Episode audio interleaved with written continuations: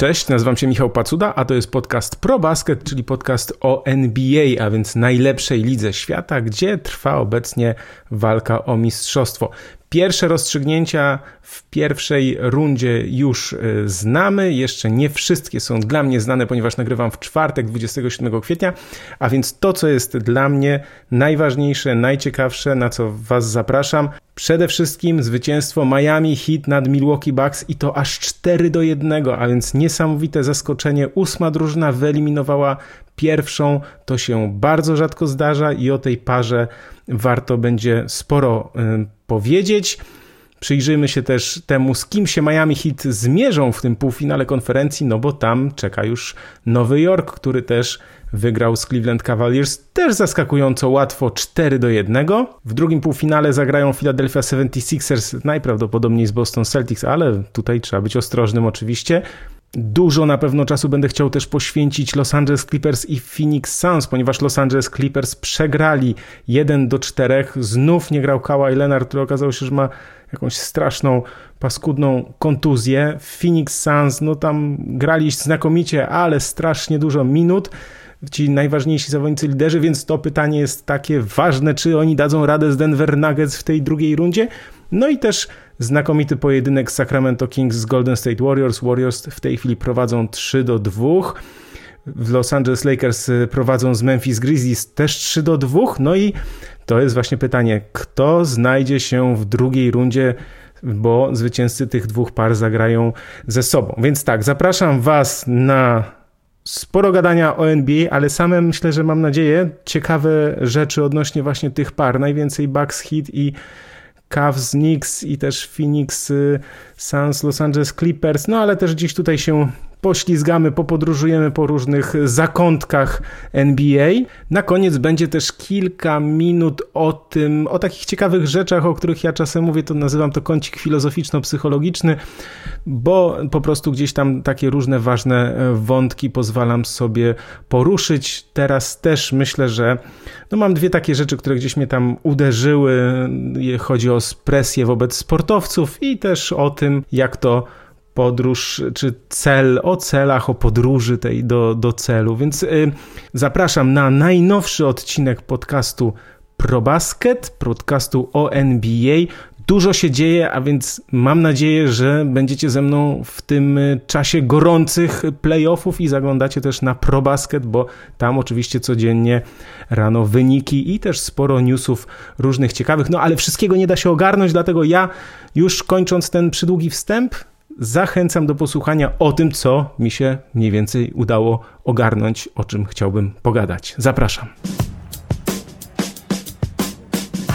Musimy zacząć od Milwaukee Bucks Miami Heat, ponieważ to jest największa sensacja tych playoffów jak na razie i myślę, że też największa sensacja w ostatnich lat, bo co prawda można powiedzieć, że Janis doznał kontuzji w pierwszym meczu, potem nie zagrał w kolejnych spotkaniach, ale wrócił, a mimo tego Milwaukee Bucks przegrali i też przegrali w fatalnym stylu, dlatego że oni prowadzili w meczu numer 4 w Miami, prowadzili, a mimo to stracili 13 punktów z rzędu. Jimmy Butler zdobył 56 punktów, rozjechał ich po prostu tak jak chciał, tak jak Jimmy Butler potrafi, czego ja przyznaję się, ci, którzy słuchali uważnie zapowiedzi, to wiedzą, mój stosunek do Jimmy'ego Butlera jest nacechowany pewnym doświadczeniem, można tak powiedzieć, dlatego że ja nie za bardzo lubię zawodników, którzy gdzieś w sezonie znikają, i nagle w playoffach eksplodują. To, to jest trochę dla mnie nie do końca. No fajnie się to ogląda w playoffach, natomiast jak się patrzy na cały sezon, ja lubię tych, którzy grają z całej siły cały czas, a nie, że to jest. Bo co innego jest wnieść, wznieść się na, wy, na wyżyny, natomiast no Jimmy Butler w tym sezonie zagrał tylko w 64 meczach i naprawdę Miami Heat ledwo, ledwo weszli do playoffów. Oni przegrali w ogóle mecz o siódme miejsce z Atlantą i wtedy wszyscy mówili, nie, dobra, już to Miami, to w ogóle nie nadają się już do niczego, fajnie tam postraszyli rok temu, ale to przecież co to jest? Oni byli przecież jedną kwartę tak naprawdę od w ogóle wyeliminowania y, z playoffów, dlatego że jeszcze Chicago Bulls prowadzili w tym meczu, tym ostatniej szansy, no ale Miami Heat udało się wyciągnąć. No i I niesamowita, niesamowita historia rzeczywiście, bo stracili też Tylera Hero y, w pierwszym spotkaniu, więc bez niego by też byli w stanie, Jimmy Butler ich to po prostu poprowadził, byli w stanie wygrać z Milwaukee. To naprawdę jest niewiarygodna historia, bo jak się prześledzi te spotkania, szczególnie te dwa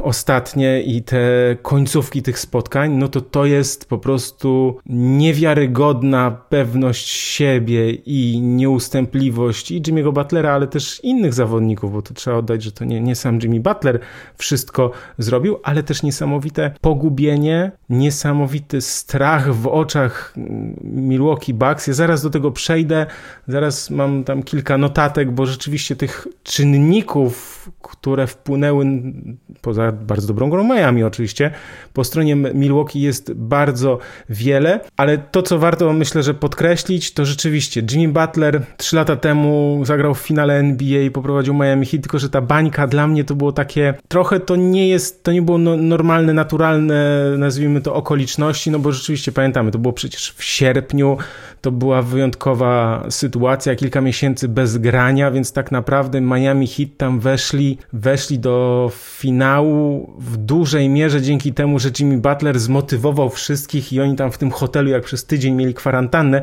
to po prostu w pokoju piłka, siłownia, zasuwamy, każdy indywidualnie, on tam robił jakieś połączenia, wszystkich tam kazał, chodził, potem jak już tą kwarantannę znieśli, to już tam ich y, po prostu nakręcał, no zupełnie inne okoliczności, więc powiedzmy, że to można było tak sobie, no potraktować na zasadzie, o dobra, no tam się im udało, Jimmy Butler zmotywował, ok. Natomiast Później, rok później, jeśli mówię to z pamięci, jeśli mnie pamięć nie myli, to Milwaukee Bucks bez problemu wygrali z Miami Heat, a Miami Heat y, wygrali w bańce właśnie y, z Milwaukee, co było no taki tutaj y, wiadomo rewanż, wtedy Milwaukee zdobyli mistrzostwo. W kolejnym sezonie, czyli rok temu, przegrali w finale konferencji, czyli byli 3 do 4. Byli bardzo blisko zagrania w finale NBA. Tam Jimmy Butler grał, pamiętamy przecież z, z kontuzją kolana i tak dalej, więc rzeczywiście no, rok temu też ten Jimmy Butler był świetny w playoffach, natomiast no, w tym roku ja już miałem takie poczucie, że ten sezon, ponieważ był tak niemrawy w wykonaniu Miami i tam oczywiście, że nie obejrzałem wielu spotkań Miami tak od deski do deski, ale gdzieś tam ich obserwowałem, bo nawet miałem też właśnie kilka takich dyskusji na, te, na ich temat i tam się gdzieś przyglądałem i, tak dalej, i nic nie zapowiadało, naprawdę nic nie zapowiadało, żeby ten zespół miał zagrać tak dobrze, bo jeśli spojrzymy w ogóle na statystyki Miami Heat, to jest drużyna, która rzucała najmniej punktów średnio w całej lidze, bo 109,5. To jest drużyna, która miała jeden z gorszych, 27 miejsce pod względem skuteczności rzutu za 3 punkty. To naprawdę tam wiele było takich i sumarycznych, czyli statystycznych y, kwestii, które można użyć jako argumenty w tym, że to nie jest dobry zespół, a też indywidualnie oni nie wyglądali najlepiej. Po prostu no, Jimmy rzucał swoje, ale też miał bardzo dużo przeplatanych takich spotkań, gdzie grał poniżej oczekiwań. Oni wyglądali na zmarnowanych, mówiąc najogólniej. Ale nieważne to, jak wyglądali wtedy, bo ważne jest to, jak wyglądają teraz w playoffach. I teraz, słuchajcie, Miami Heat 45% za 3, i jak ja sobie porównałem i spojrzałem jeszcze w statystyki tych zawodników w ogóle indywidualne, to to jest skuteczność za 3 punkty. Y, to tak, Jimmy Butler 44%, Max Struz 41%, Gabe Vincent 42%, y, Martin 44%, Oladipo miał 40, Kevin Love 43, Duncan Robinson 74% za 3, ale to w ogóle 14 na 19 w tych spotkaniach. Duncan Robinson, który przyspawany był do ławki w trakcie sezonu, on podpisał bardzo ładną umowę, piękną, śliczną, jeśli chodzi o finanse, natomiast trener z Polstra stwierdził, że on no niestety nie może mu e, ufać i on w ogóle w sezonie to grał mało, trudno było go wymienić, no bo jak ktoś gra słabo, a ma duży kontrakt, no to trudno go wymienić, więc on był przyspawany, bo ktoś mówi, przyspawany do ławki, natomiast teraz jest tak, że odniósł kontuzję Tyler Hero i Duncan Robinson wchodzi, oczywiście miał gdzieś tam trochę zawahania, musiał się poczuć troszkę pewniej, natomiast no, przepraszam bardzo, jak ktoś rzuca 14 na 19 za 3, to znaczy, że czuje się dobrze, czuje się pewnie. Co jest ciekawe, to ten wskaźnik plus minus też jest mm, Caleb Martin plus 54 w sumie, to jeśli chodzi o niego, to jest, czyli jak był na boisku, a słuchajcie, potem jest Al Horford, Stephen Curry też 49, DeAntony Melton z Filadelfii ma też bardzo wysoki i na czwartym miejscu Duncan Robinson, który w sumie w tych playoffach plus 47, co jest niesamowite moim zdaniem, bo to właśnie pokazuje, jak w ogóle ważnym graczem się okazał Duncan Robinson w, tym, y, w tej serii. To, to naprawdę niesamowite. Natomiast no, też nie da się ukryć, że to, jak słabo zagrali Milwaukee Bucks i to, jak wiele błędów popełnili, to było po prostu. Tego się nie dało wygrać. Niesamowite było to, że dwa razy w tych dwóch ostatnich meczach hit y, przegrywali dosyć wysoko, bo powyżej chyba w tym ostatnim meczu minus 16, to, co jest największym powrotem w ogóle w historii playoffów, jeśli przegrywasz po trzech kwartach kilkunastoma punktami. Minus 16 jeszcze nikomu się nie udało wcześniej wrócić z takiej straty. Natomiast Milwaukee Bucks y, mieli bilans 51 do 3 w całym sezonie, kiedy prowadzili po trzech kwartach. I w ogóle Milwaukee Bucks byli najlepszą drużyną w całym sezonie zasadniczym co zaważyło, co też wpłynęło po stronie Bugs, tak? Bo ja sobie gdzieś tam wypisywałem, robiłem różne notatki. Na pewno brak koncentracji i jakaś, jakaś nerwowość, brak stabilizacji, brak pewności siebie, na pewno kontuzja Janisa gdzieś tam ich wybi wybiła, ale bardzo duży wpływ był brak reakcji na obronę rywali i brak reakcji na swoją obronę, czyli tutaj dużo jest pod stronę, pod kierunkiem trenera Budenholzera, bo, że on nie reagował na pewne sytuacje. Cały czas Lopez krył Adebayo i się odsuwał i robił z niego super rozgrywającego bez presji, bo Adebayo dobrze podaje, więc jak Lopez się cofa o 2-3 metry, po prostu zostawia Adebayo bez krycia jakiegokolwiek, to on nagle robi nam się znakomitym rozgrywającym, który potem notuje triple-double. Niezrozumiałe jest dla mnie to, że Janis w ataku grał dokładnie tak jak kilka lat temu w bańce, czyli sztandar w dłoń, głowa nisko, wale w mur, może mnie sfaulują. I to było nieskuteczne w bańce, kiedy przegrali 2 do 4 w 2020 roku. I tak samo teraz było nieskuteczne. Oczywiście, że Janis zrzucił mnóstwo punktów i tak dalej, ale nie ma to znaczenia. Z wolnych miał chyba 10 na 23, co jest w ogóle jakimś, no nie najlepszym wynikiem, mówiąc najogólniej.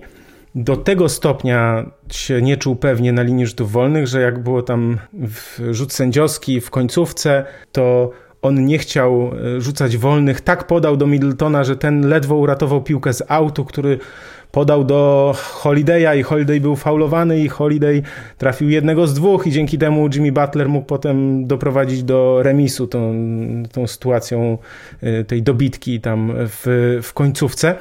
Znaczy nie dobitki, tylko tej, tego rzutu, który doprowadził do remisu, tej takiej no, wrzutki, wrzutki w stronę kosza, gdzie tam się Jimmy Butler odnalazł. Ale słuchajcie, brak reakcji na obronę rywala to jest jedno, brak zmiany w obronie, dlatego że Milwaukee Bucks cały czas grali to samo przy rzutach e, przy, w defensywie przy pick and rollach, czyli ten drop coverage, czyli żeby obrońca zawodnika z piłką przeciskał się albo dołem, albo górą, przeważnie górą yy, po zasłonie, co daje możliwość często, ponieważ ten drugi defensor nie wychodzi wysoko do gracza, to to to się stosuje, kiedy zawodnicy ataku są, nazwijmy to, nie są dobrymi strzelcami, a chcemy uniknąć ich penetracji wjazdu pod kosz. Tyle, że Jimmy Butler trafiał mnóstwo takich rzutów z pół dystansu, zresztą inni zawodnicy to samo. To znaczy brak reakcji. Jak coś nie wychodzi, to trzeba to zmieniać, trzeba reagować, trzeba dostosowywać się do danej sytuacji. Natomiast trener Budenholzer no nie zmienił nic, cały czas w kółko to samo. Albo błędem było to, że przy tym wybiciu, kiedy Jimmy Butler e, do dogrywki doprowadził, to że Jani skrył gracza z piłką, Brook Lopez szedł, ponieważ było tam pięciu małych, więc yy, nieporozumienie między Konatonem i Holidayem, gdzieś tam oni się nie dogadali, ta komunikacja zawiodła. Jimmy Butler oczywiście, że troszkę odepnął Konatona, ten niepotrzebnie tam aktorzył, ale słuchajcie, no, był faul w ataku, mógł być gwizdnięty, ale nie został, więc w takim razie faulu nie było, tak to uznajmy. Tutaj też, to były chyba dwie sekundy do końca, też trzeba było postawić wielkiego Bruka Lopeza i po prostu chronić strefę podkoszową, dlatego że jeszcze z jakimś rzutem szalonym z dystansu czy z półdystansu można żyć, natomiast oddać to w taki sposób, że facet najbardziej waleczny, największy zadzior, który po prostu zbuduje się jeszcze bardziej i będzie miał jeszcze większą moc do grania e, dalej, doprowadza do remisu, doprowadza do dogrywki w sposób no, kompromitujący obronę. Kompletnie niezrozumiałe było dla mnie też to, że cały czas Drew Holiday krył Jimmy'ego Butlera.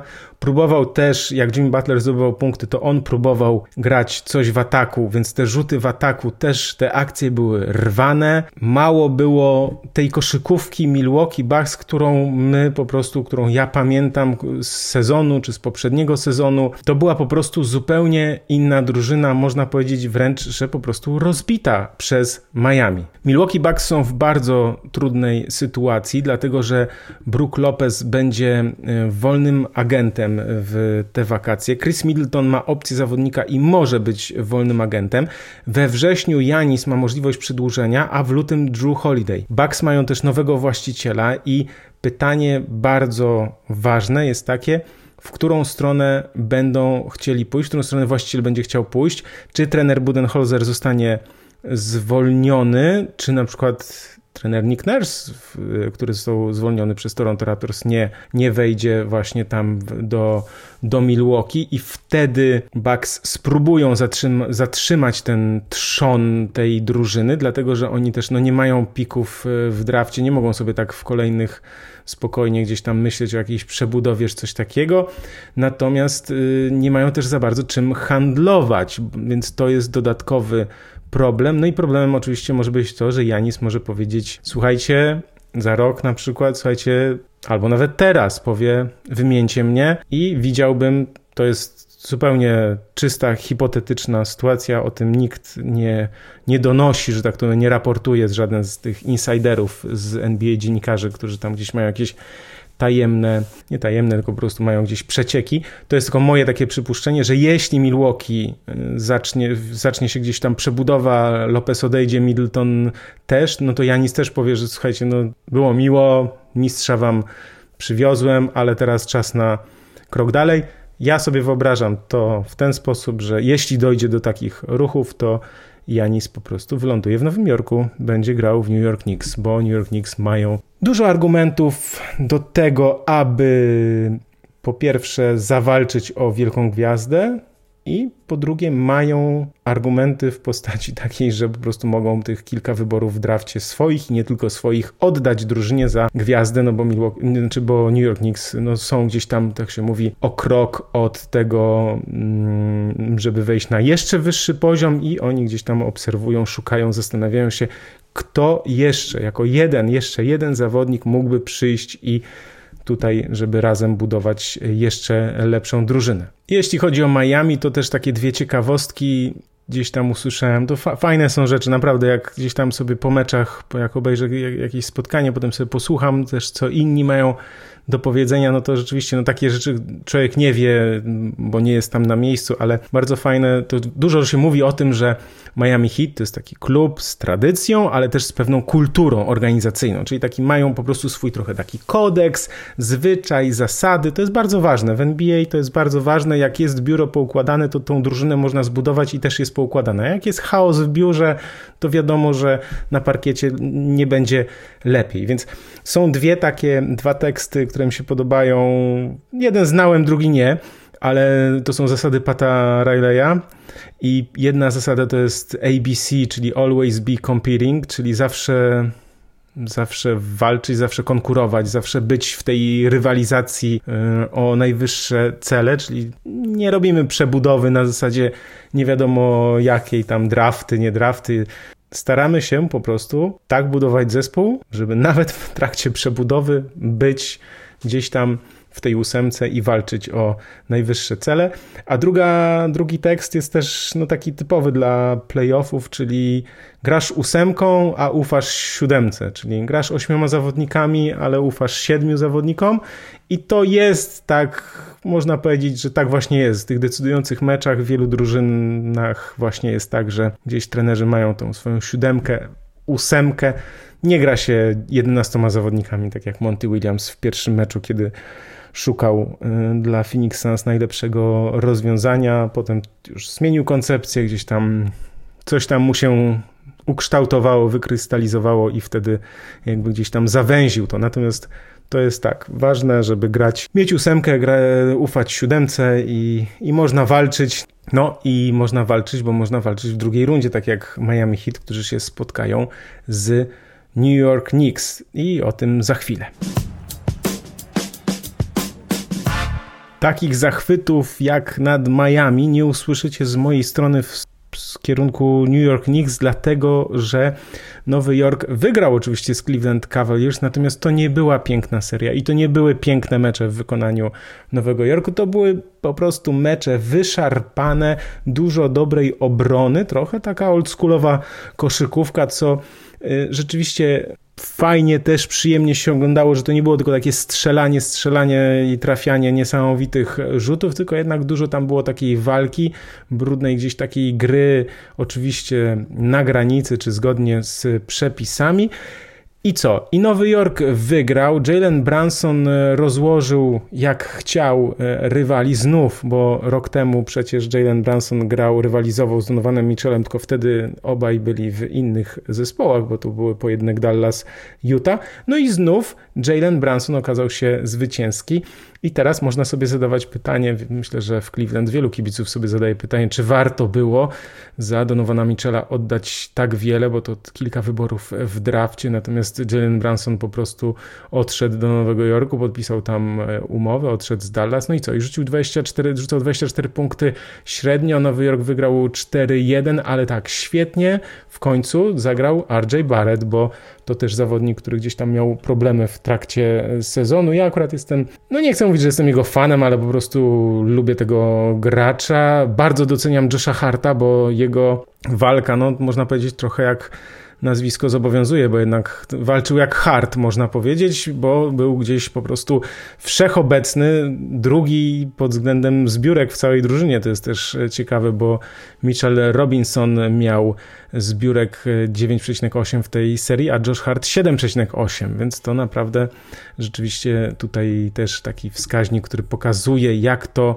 y, zawodnicy Nowego Jorku walczyli, bo w ogóle Nowy Jork miał 15 zbiórek w ataku średnio w tej serii, co jest oczywiście najlepszym wynikiem spośród wszystkich drużyn w tegorocznych y, playoffach. I nie zmienia to faktu, że też mieli najgorszą skuteczność, jeśli chodzi o rzuty za 3 punkty, bo poniżej 30%. Więc ta seria Nowy Jork wygrał ją przede wszystkim mocną obroną i też temu, że po prostu Cleveland Cavaliers mm, no, wyszło bardzo duże ich ograniczenie, bo Cleveland Cavaliers grają, grają na dwóch wysokich i dwóch niewysokich rozgrywających i w zasadzie mają tylko czwórkę, czterech zawodników do grania. I to jest bardzo trudne, żeby w ogóle coś wygrać w NBA, kiedy ma się zawodników na obwodzie dwóch poniżej chyba 190 cm wzrostu. Oni są Garland i Mitchell yy, albo gdzieś około.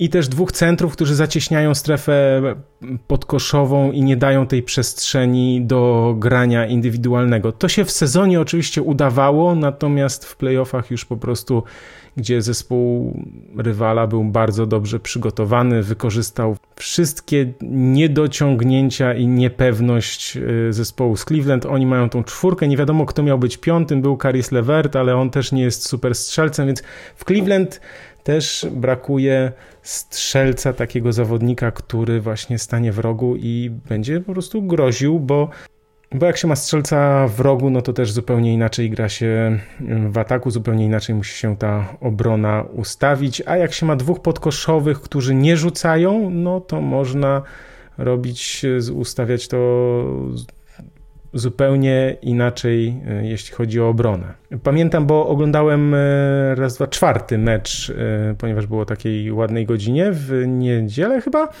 i Jalen Rose tam w przerwie meczu powiedział, że, że się poddaje, bo że on się poddaje, bo widzi, że Cleveland się poddali i że już nie mają szans i E, nie wygrają tej serii. Ja powiem szczerze, oczywiście łatwo się podkleić pod zawodnika NBA, byłego zawodnika NBA, który coś takiego mówi, ale ja też miałem takie wrażenie w tym sensie, że po prostu widać było, że że Nowy Jork jest lepszy, a że Cleveland zeszła para, że nie mają pomysłu. Po prostu nie wiedzą, jak grać. Te zrywy były, oczywiście, gdzieś tam im się coś zdarzało Zdarzało im się gdzieś tam troszkę napędzić, czasem gdzieś tam grać szybciej, natomiast no, Donovan Mitchell poniżej wszelkich swoich e, statystyk. I Cleveland mają spory problem, bo muszą też się zastanowić, co dalej ze sobą zrobić. Czy Mobleya przesunąć na piątkę i próbować wytransferować Alena, czy zostawić Alena i Mobleya i co i Garland z Michelem na obwodzie? Nie mają też za bardzo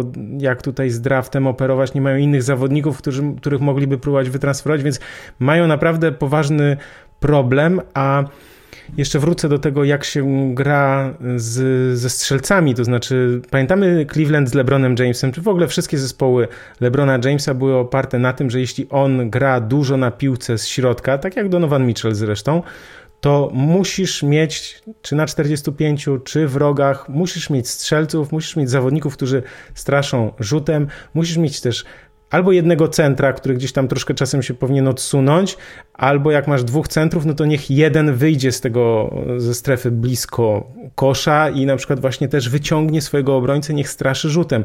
Dlatego Milwaukee Bucks byli tacy mocni w trakcie sezonu, bo Brook Lopez się okazało, że rzuca za trzy punkty, więc musiał, znaczy obrońca musiał do niego wychodzić, a to dawało oczywiście przestrzeń pod koszem, więc taka jest ta koszykówka, ta nowoczesna koszykówka, powiedzmy gdzieś tam od kilku czy kilkunastu lat ten kierunek idzie, bardziej od kilku jednak myślę, że, że ten kierunek idzie w, tą, w tę stronę, że ten wysoki zawodnik jak umie rzucać, no to już po prostu zmienia się e, wszystko, dlatego że to daje dużo większą łatwość w ataku i też dużo większy e, problem sprawia obrońcom. Oczywiście przykład tego transferu Michela to jest jakby kolejny przykład tak jak z Rudim Gobertem było, tak jak z Michelem.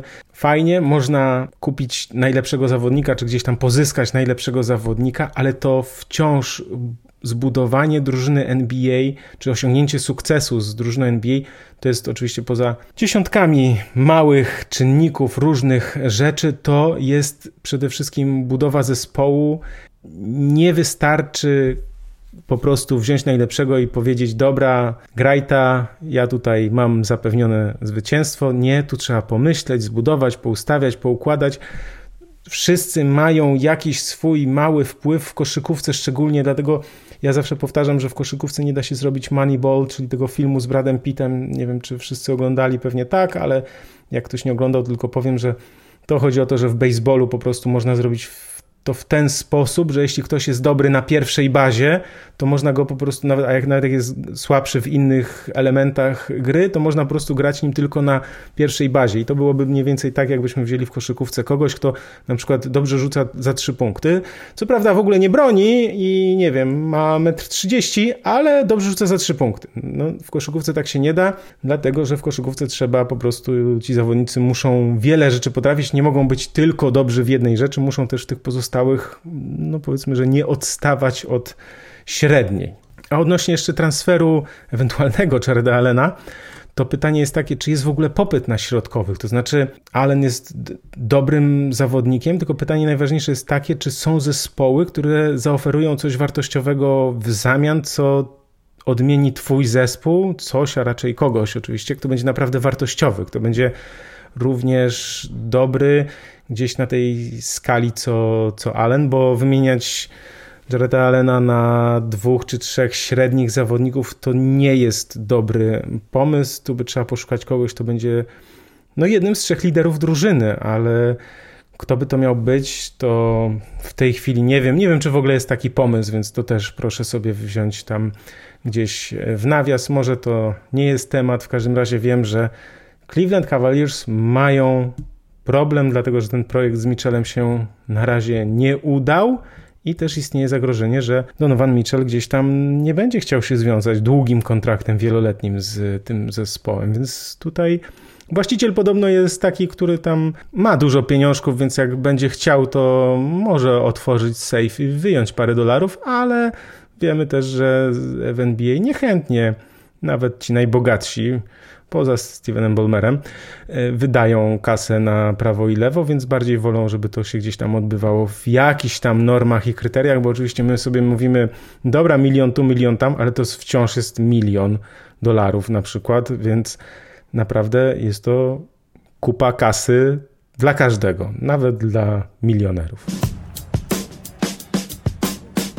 Przypominam, że jeśli podoba Wam się podcast ProBasket, to możecie zaprosić mnie na wirtualną kawę, a więc y, po prostu przekazać mi kilka złotych od siebie. Jest, y, podaję link, tam jest wszystko oczywiście opisane. Jak ktoś chce, może tutaj przekazać, no tak w ramach podziękowań, w ramach tego, żeby się tutaj portal rozwijał i żeby podcast też mógł być nagrywany. Na pewno do końca tego sezonu, do końca tych playoffów, no a co będzie dalej, to zobaczymy. Jeśli jesteście fanami i na przykład chcielibyście, żeby reklama waszej firmy była w podcaście, to odezwijcie się redakcja małpaprobasket.pl, a jeśli znacie firmę albo macie pomysł, komu moglibyście przekazać, to też oczywiście będę zobowiązany, aby przekazać taką informację. Zachęcam 10 tysięcy osób, ponad 10 tysięcy osób, fanów koszykówki, raczej najpopularniejszy w grupie wiekowej 30-40, więc dosyć myślę, że wartościowa grupa taka, mówiąc tutaj, jeśli chodzi o cyferki dla,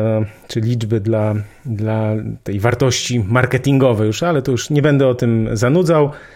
Każdy z Was jest dla mnie bardzo wartościowy, ale wiem, że po prostu rynek też różnie do tego podchodzi. Dobrze, tyle o kawie, ale jeszcze mam do polecenia kilka rzeczy, bo chciałem polecić promocję Nike w oficjalnym sklepie Nike i link wrzucam oczywiście w opisie. Są tak naprawdę dwie promocje Nike, ale to zobaczcie sobie wszystko w opisie. Warto na to zerknąć i po prostu jeśli jesteście gotowi, jeśli byście chcieli, to zachęcam do tego, żeby skorzystać z tych właśnie linków, no bo to też jakby pomaga nam w rozwoju probasketu. I też mam takie pytanie, bo jeśli ktoś nie ma League Passa, a chciałby go mieć, to jest ostatnia szansa, żeby y, kupić do końca sezonu i też jest fajnie tak, że opcja do końca sezonu kosztuje tyle co wersja miesięczna, a możliwe, że jeszcze przed nami prawie dwa miesiące oglądania, więc to warto sobie sprawdzić i też podrzucam link.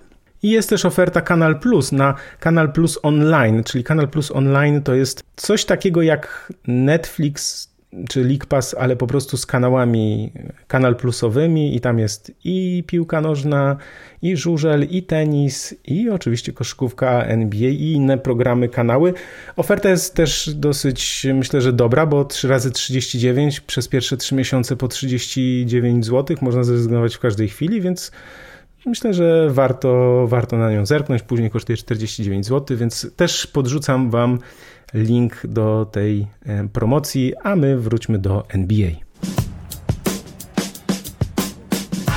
O tym, że super teamy bywają bardzo, bardzo ryzykowne, mówiłem wielokrotnie i teraz też się możemy o tym przekonać w przypadku Kawaja Leonarda i Paula George'a, którzy w ostatnich czterech sezonach zagrali razem, słuchajcie, w 118 z 308 spotkań, w 118 meczach z 308 sezonu zasadniczego, co daje 38% meczów tylko. W ostatnich dwóch sezonach zagrali razem w 19 meczach sezonu zasadniczego i 0 meczów w playoffach. To jest niebywałe. Oczywiście wiadomo, trzeba wziąć pod uwagę to, że Kawhi Leonard nie grał cały poprzedni e, sezon, nie ten ostatni, który właśnie się teraz kończy, tylko ten e, rok wcześniej. No i teraz okazało się, że doznał znów poważnej kontuzji łąkotki i no, na moje pirackie oko to to jest pół roku jak nic. Z tego co mówią moi koledzy, eksperci, fachowcy od rozwalonych kolan, bo znam kilku takich, e, których zresztą oczywiście serdecznie pozdrawiam. Sam mam też no, kolano, które mogłoby się czuć e, zdecydowanie lepiej. Jeśli chodzi o Kawaja Lenarda, to nie zdziwię się po prostu, jak on przez cały następny sezon znów nie będzie grał, aczkolwiek nie wiem, słuchajcie, może się okazać, że wróci w listopadzie czy w grudniu i będzie wszystko ok, chociaż z nim to jest naprawdę ruletka, ruletka, naprawdę ruletka. I to jest pytanie, mnie to, wiecie, poza samą grą mnie też bardzo ciekawi to, jak coś się układa, tworzy, buduje to, jakie to, jak to ma mm, wyglądać, jakie decyzje należy podjąć, no bo teraz Steve Ballmer ma ogromny kłopot, dlatego że nowa hala Clippers będzie oddana na sezon 2024-2025. Paul George i Kawhi Leonard mają ważne umowy na przyszły sezon i mają obaj opcje zawodników na ten sezon 24-25. Czyli opcje zawodników, czyli to oni mogą zdecydować, czy wchodzą na rynek wolnych agentów, czy podpisują umowę albo z Clippers kolejną wieloletnią, albo odchodzą. No ale żeby nie, od, żeby nie odchodzili, no to muszą, w sensie Clippers, y, jak będą mieli świadomość, że mogą odejść zawodnicy, no to wtedy ich będą próbowali wytransferować, żeby nie stracić po prostu ich y, bez, y, no, za darmo, jak to się mówi. Tylko teraz pytanie jest takie, czy są drużyny, które zdecydują się pozyskać Kawaja Leonarda i Paula George'a, którzy ciągle mają problemy ze zdrowiem? Oczywiście ktoś będzie, natomiast czy znajdzie się ktoś, kto zaproponuje ogromne, ogromną kasę? Nie sądzę, żeby to było tak, że on nagle dostanie, czy że jest inny klub, który na przykład powie mu, dobra, zapraszam 200 za 5 lat, czy tam za 4, welcome, próbujmy, działajmy. Dlatego, że po prostu to jest tak niepewne i jeszcze trzeba pewnie, oczywiście Clippers by chcieli bardzo dużo, tak jak oddali za Pola George'a mnóstwo tych wyborów w drafcie i tak dalej, więc to jest bardzo dla mnie ciekawe i też myślę, że no ciekawe do obserwowania, bo oddali bardzo dużo za Pola George'a, nie mają za bardzo tych pików w drafcie, nie mają za bardzo jak tutaj handlować i tak przekroczą ten y, salary cap, więc będą musieli dużo płacić do kasy NBA. No, tylko pytanie jest takie po prostu, co tu z Clippers będzie dalej. Ja wiem jedno, nie wiem czy Steve Ballmer się na to zdecyduje, czy już wiadomo, że się na to nie zdecyduje, natomiast no, ja bym zmieniając halę, zmieniłbym też nazwę drużyny, to znaczy zostawił oczywiście ten pierwszy trzon, jeśli hala w Los Angeles, to oczywiście Los Angeles, natomiast ja bym zmienił Clippers, którzy się gdzieś tam źle kojarzą i próbował budować od nowa, dlatego że to jest niesamowite, że Los Angeles Clippers teraz, odkąd przyszedł Steve Ballmer, czyli od, od, kilku lat już zresztą, to oni są niesamowicie zaawansowani technologicznie. Te ich transmisje na przykład są najbar- najbogatsze w różne takie tam bajery, jeśli na League Passie spojrzymy. Oni wydają mnóstwo kasy na dużo różnych atrakcji w trakcie meczów. Jak się spojrzy na transmisję z meczów Lakers i Clippers, no to Clippers widać, że tam budżet jest zdecydowanie wyższy, bo co chwilę jest coś innego, coś, jakieś fajerwerki tak zwane, w cudzysłowie oczywiście. No i śmieszne jest też ta, to podejście do, do tego, co zawodnicy jedzą na przykład, bo to taka jedna z opowieści jednego z dziennikarzy, że oni w meczach, Clippers w meczach przedsezonowych to mieli tam kraby, homary, czy tam jakieś inne rarytasy, natomiast Los, Angeles, Los Angeles Lakers, którzy są uważani za no, jeden z najwspanialszych klubów, wielka marka, renoma i tak dalej, to oni tam ktoś powiedział, że no to tam Ginny Bass to raczej, jeśli chodzi o posiłki dla drużyny, to raczej tam Ginny Bass kanapki robi z, z dżemem i szynką gdzieś tam w kuchni. Więc y, takie porównanie oczywiście złośliwe trochę, ale chodzi mi o takie rzeczy, że takie szczegóły są ważne i zresztą o takie rzeczy też dba Mark Cuban w Dallas. Dlaczego e, szatnia gości w Dallas Mavericks jest podobno tak wybajeżona i tak na bogato zrobiona, jakieś telewizory, szmery, bajery, pięć gwiazdek po prostu, jak, jak w hotelu pięciogwiazdkowym. Po to Mark Cuban to robi, żeby zawodnicy drużyny przeciwnej mówili, o kurczę, tu jest fajnie, tu jest super, zobaczcie jak tutaj na bogato, to może ja też kiedyś pomyślę o tym, żeby przejść do Dallas Mavericks. Ale to zostawmy, wróćmy do tej serii Clippers Suns. Oczywiście wygrana Los Angeles Boże, wygrana Phoenix Suns, przegrana Los Angeles Clippers. Ka Kawhi Leonard grał tylko w dwóch spotkaniach. Grał bardzo dobrze, natomiast no potem, kiedy jego nie było, nie, była Polo, nie było Pola Georgia, no to Russell Westbrook musiał gdzieś tam próbować ratować i jak spojrzymy w statystyki, to oczywiście super, ja to sobie zerkam. 23,6 punktu na mecz. 7,6 zbiórki, 7,4 asysty. No tak, skuteczność 41%, ale no właśnie, oglądałem gdzieś tam końcówkę któregoś meczu i jest tak, nie trafia lejapa, potem daje stratę. To jest właśnie cały Russell Westbrook. Ja bardzo szanuję, bardzo lubiłem go za czasów Thunder, to było świetne, kiedy można było go oglądać, jak on miał ten dynamit w nogach, grał naprawdę na takim depnięciu, że to tam się po prostu parkiet yy, załamywał. Natomiast no rzeczywiście trudno się obserwuje takiego zawodnika, który popełnia takie błędy i no aż zęby bolą, aż jak mówi nie, no to jest po prostu nie, nie, nie, nie, nie, nie, nie, tak nie można grać. Więc z Russellem Westbrookiem to się Clippers nie udało. Nie, nie dziwmy się e, i też myślę, że nie ma się co dziwić, że Phoenix Suns właśnie to wygrali. Devin Booker rzucał najwięcej punktów, bo 37 punktów średnio, 28 Kevin Durant i oczywiście ok, Zwycięstwo jest zwycięstwo. Nie, było, nie był to trudny rywal, no bo dwóch zawodników najważniejszych drużyny przeciwnej nie było. Natomiast wszyscy teraz się zastanawiają,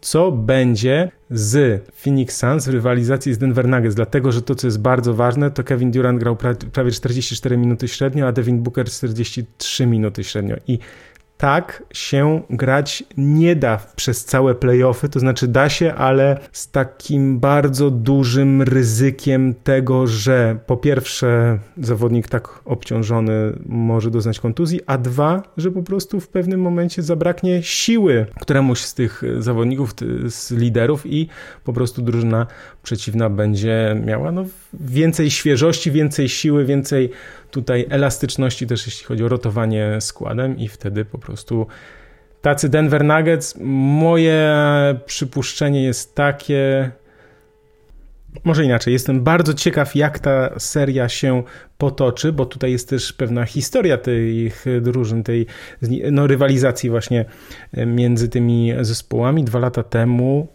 Denver Nuggets przegrali z Phoenix Suns 0 do 4 w drugiej rundzie. No i to myślę, że wielu zawodników Denver Nuggets to pamięta.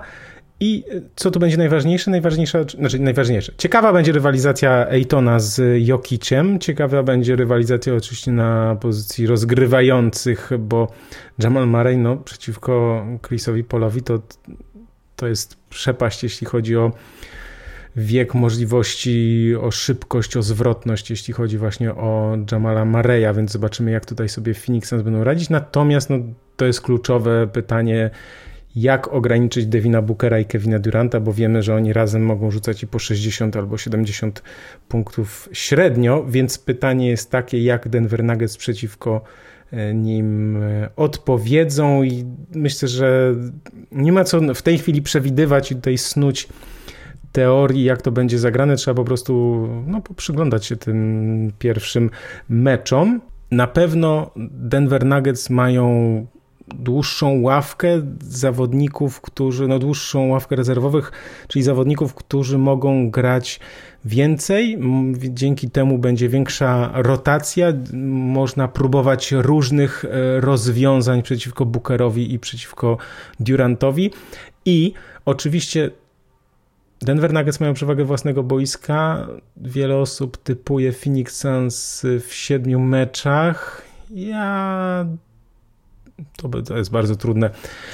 No nie wiem, wiem, że wszyscy stawiają na Phoenix Suns, więc ja może trochę z przekory powiem Denver Nuggets 4-2, ale z drugiej strony 4-2 to też byłby zaskakujący. Bardziej może 4-3. No ale nieważne. W każdym razie to, co jest, to jest mojego typu nie należy się trzymać. Ja sam często w nie e, nie wierzę. Natomiast e, to, na czym czego mogę być pewien, to jest jakby analiza taka, co się może wydarzyć, jakie czynniki zaważyły o pewnej sytuacji i to, jak coś się może zadziać, czy co dana drużyna musi zrobić, aby coś tam się właśnie zadziało. I to, czego jestem pewien, to to, że Denver Nuggets zmęczą Duranta i Bookera. To znaczy, że oni będą wykończeni. Nawet jeśli wygrają tę serię, to będą wykończeni i to trochę da trochę da przewagę, nawet jeśli Phoenix Suns wygrają w tej drugiej rundzie, to w finale konferencji ta drużyna, która wejdzie do finału z tego, z, tych, z tej drugiej pary, która jeszcze jest nieznana, to na pewno no, będzie mógł podziękować Denver Nuggets za to, że gdzieś tam ta drużyna Phoenix Suns została tak zmęczona. O wszystkich parach nie uda mi się powiedzieć i nie uda mi się też e, tak bardzo dobrze i dokładnie je śledzić, no bo rzeczywiście to, co mogę powiedzieć, to tej, ja nagrywam w czwartek, tak jak e, często już mówiłem, 27 kwietnia, więc e, no jeszcze nieznana jest, nieznany jest mi zwycięzca pary Sacramento Kings Golden State Warriors oraz Memphis Grizzlies Los Angeles Lakers.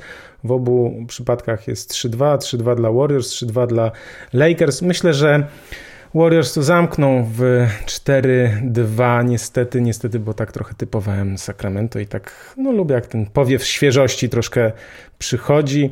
Natomiast y, Warriors pewnie zagrają w drugiej rundzie i bardzo mnie ciekawi, co się wydarzy w tej parze Grizzlies-Lakers, dlatego że już Lakers prowadzili 3-1, teraz jest 3-2, mecz będzie w Los Angeles i no mam taką teorię, że jak oni tego nie zamkną teraz w Los Angeles, nie skończą 4-2, to się skończy 4-3 dla Grizzlies, dlatego że tam jest, słuchajcie, czterogodzinny lot do, z Memphis do Los Angeles. Oni grają co drugi dzień i naprawdę wydaje mi się, że to mówiłem przed, tym, przed tą serią, że im dłużej ta seria potrwa, tym gorzej dla Lakers. Po prostu. Dlatego, że zmęczenie, też te podróże to są takie mikro, mini czynniki, które wpływają też na to, że ten zespół może mieć po prostu trochę problemy, a Grizzlies się rozgrzewają. Nagle y, Morant zagrał, no w końcu zagrał y, dobre spotkanie, w sensie takim, że nie tylko zdobywał punkty, ale też poprowadził zespół do zwycięstwa, no bo, do zwycięstwa, bo wiemy, że wcześniej też potrafił y, zagrać dobrze, to znaczy zdobyć dużo punktów, ale on gra w taki sposób, jakby to powiedzieć, no inny niż, niż Tyce Jones, to znaczy bardzo dużo jest tam trzymania piłki i w tej, w tych końcówkach czasem właśnie on gdzieś no nie rozgrywa tego tak jak powinien, dużo tam gdzieś gra pod siebie i tak dalej. Natomiast w tym ostatnim meczu no miał wielkie wsparcie Desmond Bain, który też się no w końcu e, rozkręcił, rzucił 33 punkty, Moran 31. Obaj mieli po 10 zbiórek, to jest ciekawe, no ale wiadomo, że jak nie ma Adamsa, nie ma Clarka, no to ktoś te piłki e, musi e, zbierać.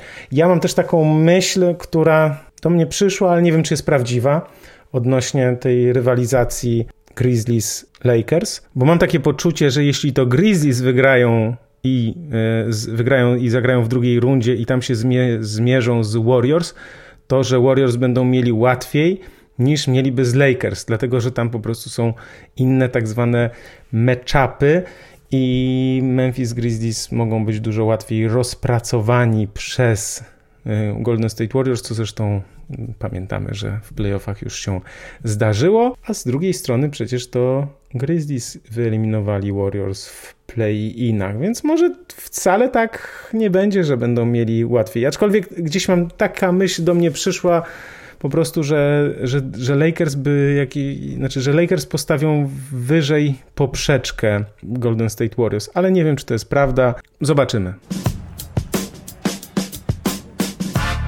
Ajajaj, sprawdzałem właśnie stronę NBA.com, żeby zobaczyć jakie są mecze w ten weekend, ale ze względu na to, że jeszcze nie wiadomo, czy będzie siódmy mecz w kilku parach, to jeszcze te godziny nie zostały podane, chociaż już wiemy, że w niedzielę, przynajmniej w niedzielę o godzinie 19 Miami Heat y, z Nowym Jorkiem taka para y, będzie, więc tak patrzyłem po prostu, żeby zerknąć na te mecze bez zarywania nocy. No ale to musicie obserwować, bo myślę, że coś jeszcze będzie, czy w sobotę, czy w niedzielę powinny być te mecze, po prostu nie, mają jeszcze, nie ma jeszcze podanych y, godzin, więc no myślę, że warto będzie tutaj obserwować, a może i też dla niektórych meczów zarwać noc, bo majówka, więc może można odespać. Na koniec jeszcze chciałem powiedzieć o takiej wypowiedzi Janisa, który został zapytany o to, czy ten sezon jest dla niego porażką czy klęską, może tak e, można to przetłumaczyć. I on, i on wytłumaczył dziennikarzowi, który zresztą zadał mu to samo pytanie rok wcześniej, że w jego koncepcji, w jego spojrzeniu, w jego podejściu nie ma takiego, takiego stwierdzenia, czy nie, może, nie można stwierdzić, że ten sezon, nawet jak się tak zakończył, jak się zakończył, może być rozczarowaniem, to już trochę ode mnie, natomiast nie może być klęską, dlatego że oni po prostu zrobili wszystko, co mogli, aby grać i wygrać. I tak już nie będę mówił o tym cytacie, ale wydaje mi się, że to jest ważne, żeby odejść od tej koncepcji. Zresztą wiele osób jak komentowało, widziałem gdzieś tam na ESPN komentowało ten cytat, to też jakby dużo osób wspomina o tym, na przykład nie wiem, Jay Williams mówi o tym, że jak on grał w kosza, czyli tam powiedzmy, nie wiem, 10-15 lat temu, 20 też, to dużo było takiego mówienia, że albo mistrzostwo, albo nic, czyli albo jesteś mistrzem, albo jesteś frajerem, klęska totalna, porażka i w ogóle. Natomiast mi się wydaje, że to, co jest ważne, żeby nie umniejszać te, temu, co ci sportowcy osiągają, do jakiego poziomu doszli i że przecież, słuchajcie, jest 30 klubów w NBA i 29 z nich nie zdobędzie mistrzostwa w tym sezonie, a mimo wszystko wielu z tych zawodników, wiele z tych drużyn może powiedzieć, że jest z siebie nie wiem, czy dumna, czy być, być zadowolonym, czy być po prostu w zgodzie ze sobą, że zrobili wszystko to, co mogli zrobić w danym momencie, więc ja po prostu mam takie poczucie, że jak dajesz z siebie wszystko i bardzo się starasz, to nie możemy mówić w przypadku sportu o, o klęsce, tylko po prostu o tym, że się nie udało wygrać, że, że taki sportowiec, który nie, owszem, nie wygrał, czyli przegrał, ale jednak, że jeśli zrobił wszystko, jeśli walczył, jeśli dobrze trenował, jeśli właśnie no, nie imprezował sobie gdzieś tam, nie olewał, tylko był dobrze przygotowany i zrobił wszystko, to może iść dalej, może kolejny, przygotowywać się do kolejnego sezonu z podniesionym czołem i po prostu czuć, że jest w porządku, że się nie udało, ale że po prostu nie będzie traktował siebie jako tego, który poniósł klęskę i że on teraz powinien się po prostu wstydzić czy coś takiego. Nie, nie. Uznajmy po prostu, uszanujmy tych, którzy ciężko pracują i to, że ktoś wygrywa mistrzostwo NBA, to zwróćcie uwagę na te wszystkie drobne czynniki, które się dzieją. Oczywiście pech, jeden kosz, czasem jeden kosz decyduje, bo przecież nawet jak spojrzymy gdzieś tam wstecz, to przecież jak Milwaukee Bucks zdobywali mistrzostwo, to oni byli o nadepnięcie linii przez Kevina Duranta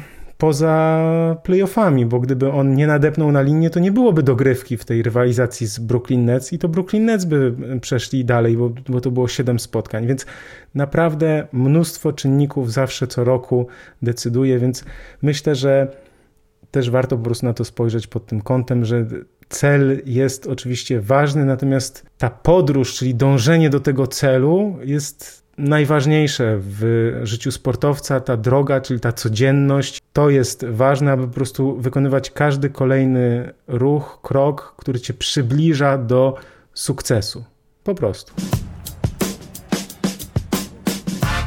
I jeszcze na koniec chciałem powiedzieć, ponieważ nie będę wymieniał nazwiska, bo nie ma takiej potrzeby, bo to nie chodzi o to, żebym ja teraz się wdawał jakąś taką polemikę z dziennikarzem, który tak powiedział, czy z osobą, która tak uważa, bo to jest zresztą zdanie wielu osób i dlatego ja się chcę tak do niej y, odnieść. Dlatego zresztą tak nie lubię mediów społecznościowych, że wyskakują mi rzeczy, których ja nie chcę widzieć i niestety tutaj też tak się stało. Zobaczyłem wypowiedź, w której jest bardzo kategoryczny osąd, że y, na temat sportowców i na temat presji, jaką oni mają i takiego stwierdzenia, że co to w ogóle jest taką, wiecie, też pogardą, moim zdaniem, że sportowcy mają jak pączki w maśle, że oni zarabiają dziesiątki, setki milionów i po prostu co to jest, że on idzie sobie na trening, dwie godziny sobie popyka, wraca do domu, ma, nie wiem, modelki, szybkie samochody, jest po prostu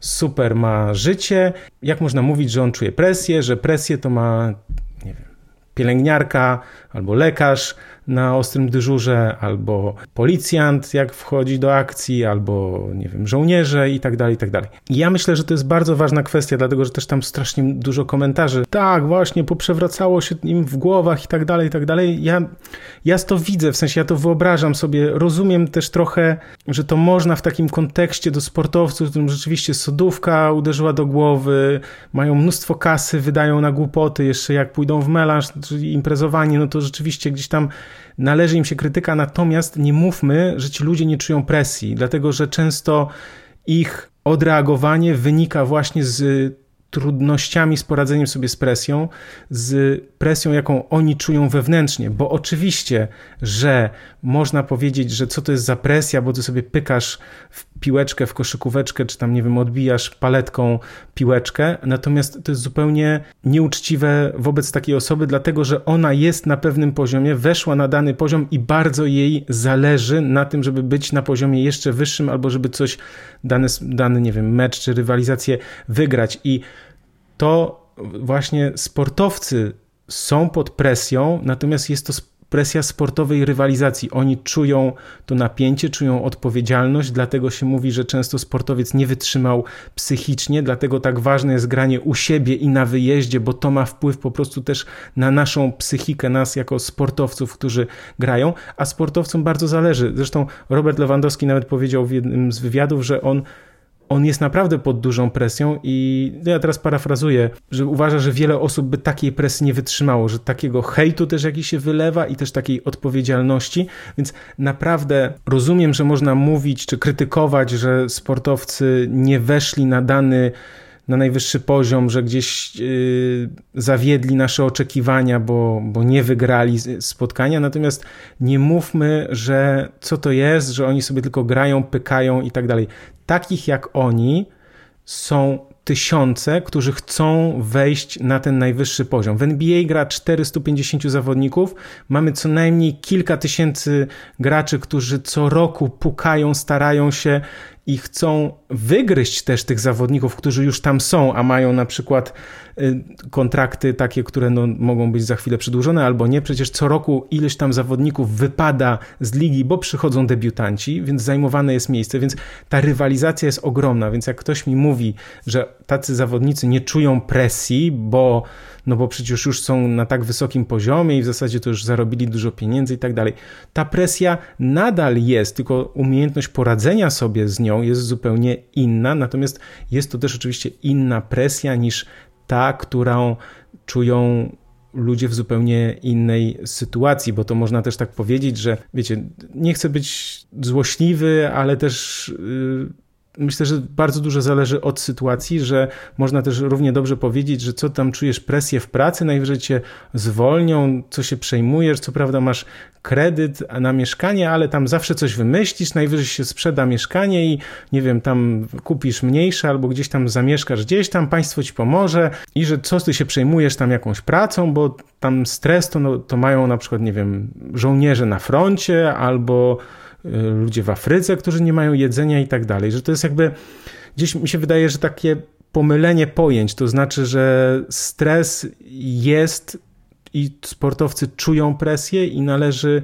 zwrócić na to uwagę, żeby oddzielić, żeby to odróżnić. Więc mój apel taki jest, żeby po prostu nie umniejszać, nie deprecjonować, nie też pozbawiać prawa do czucia swoich emocji, dlatego że wszyscy jesteśmy ludźmi i wie, jestem pewien, że każdy w różnych sytuacjach odczuwa pewnego rodzaju presję, stres, napięcie.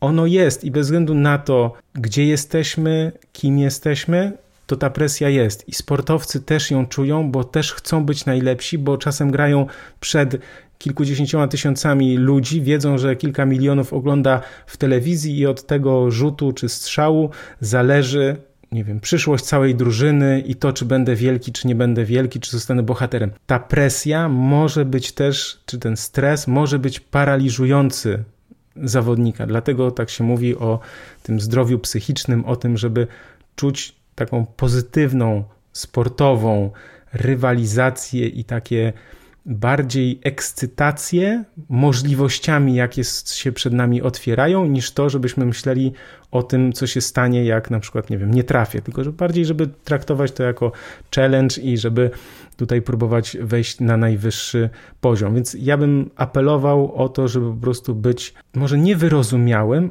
ale po prostu szanować innych, szanować to, co robią, jaki, jaki fach, czy jaką mają pracę, bo to też nie jest takie proste.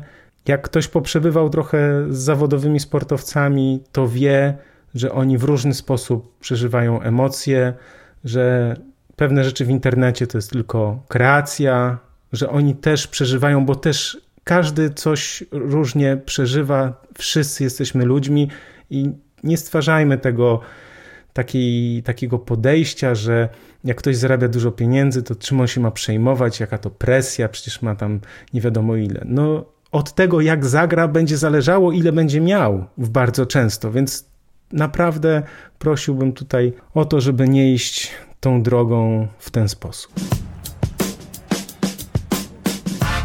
I to by było na tyle, jeśli chodzi o podcast ProBasket w tym tygodniu. Dziękuję bardzo za wysłuchanie, za to, że byliście ze mną e, do końca. Te ostatnie dwa tematy mam takie poczucie, że gdzieś tam troszkę popłynąłem. Może nie do końca się dobrze i jasno wyraziłem. Mam nadzieję, że, że tak. No, leciałem że tak to ujmę, flow na żywo, więc czasem wiecie, że to różnie bywa z tym, jak się, że tak to ujmę, tak leci po prostu, ale najwyżej będę prostował, jeśli się w jakiś sposób gdzieś nie zrozumieliśmy, to będę starał się prostować za tydzień. Więc teraz kończę. Zapraszam na kolejny podcast 4 maja, też pewnie gdzieś w godzinach e, wieczornych. Zachęcam oczywiście do codziennego zaglądania na probasket.pl. Przypominam o kawie, o promocji Nike, o League Passie, o Kanal Plus, a o tym, że NBA jest najlepszą ligą świata i że warto ją oglądać, to przypominać nie muszę, wiem. Dziękuję, że byliście ze mną. Nazywam się Michał Pacuda. Zachęcam do też przesłuchania innych podcastów pro basket, jeśli tak się stało, że ten był waszym pierwszym, to też w tych poprzednich na pewno znajdziecie coś ciekawego. Dziękuję, cześć, pozdrawiam.